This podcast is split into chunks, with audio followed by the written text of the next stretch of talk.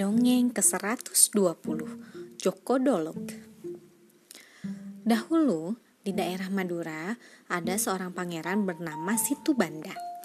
Suatu hari pangeran Situ Banda bersama dua pengawalnya berlayar ke Kabupaten Surabaya. Setibanya di sana, dia disambut oleh Adipati Jayenggrana. Ada apakah pangeran Situ Banda jauh-jauh datang ke Kadipaten? Tanya Adipati Jayenggrana. Saya bermaksud untuk meminang putri paman Adipati, Adinda Purbawati, jawab pada Pangeran Situbanda.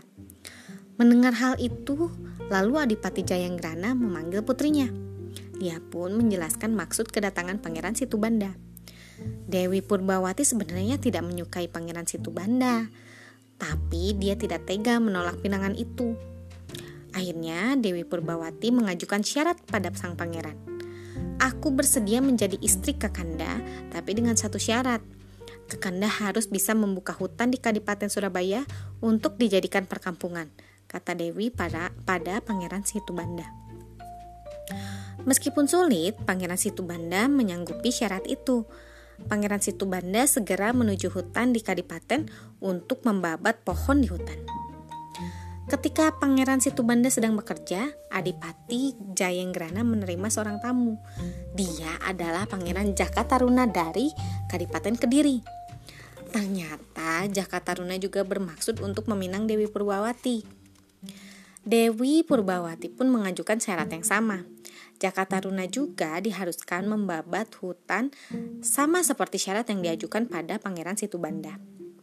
Siapa yang berhasil melaksanakan syarat itu, dialah yang berhak meminang Dewi Purbawati.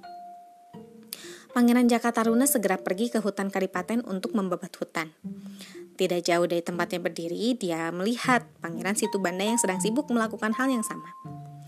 Pangeran Situbanda lalu menghampiri ja Pangeran Jakataruna.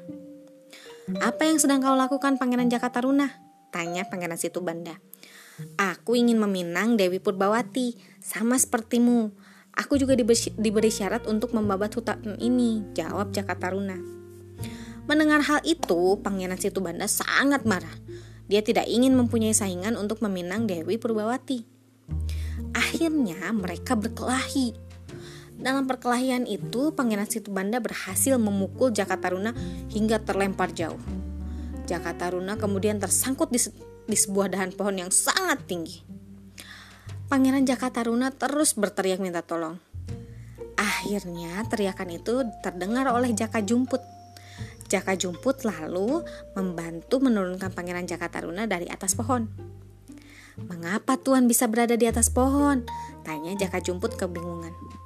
Pangeran Jaka Taruna kemudian menceritakan apa yang terjadi.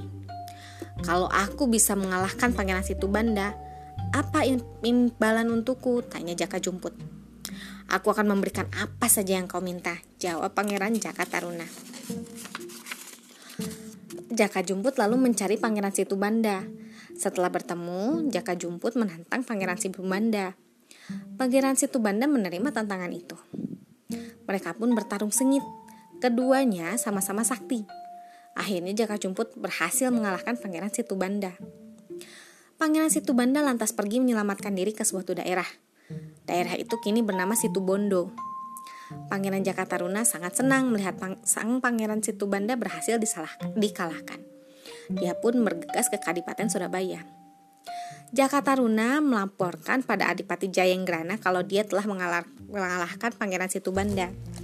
Hutan di Kadipaten Surabaya juga sudah selesai dibabat. Benarkah bahwa kau telah mampu mengalahkan Pangeran Situbanda? Tanya sang adipati Jayenggrana.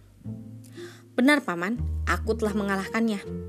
Akulah yang berhak menikahi Dewi Purbawati, jawab Pangeran Jaka Taruna.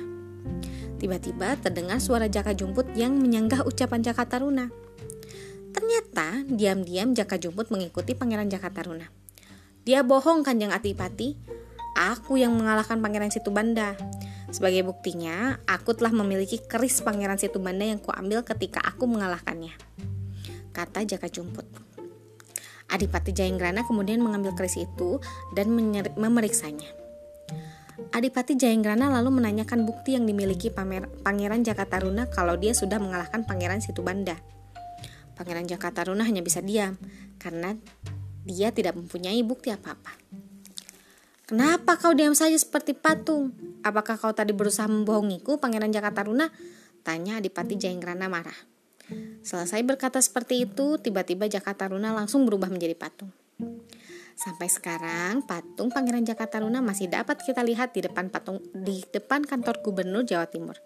Patung itu terkenal dengan nama Patung Joko Dolok. Sekian, terima kasih telah mendengarkan. Selamat malam.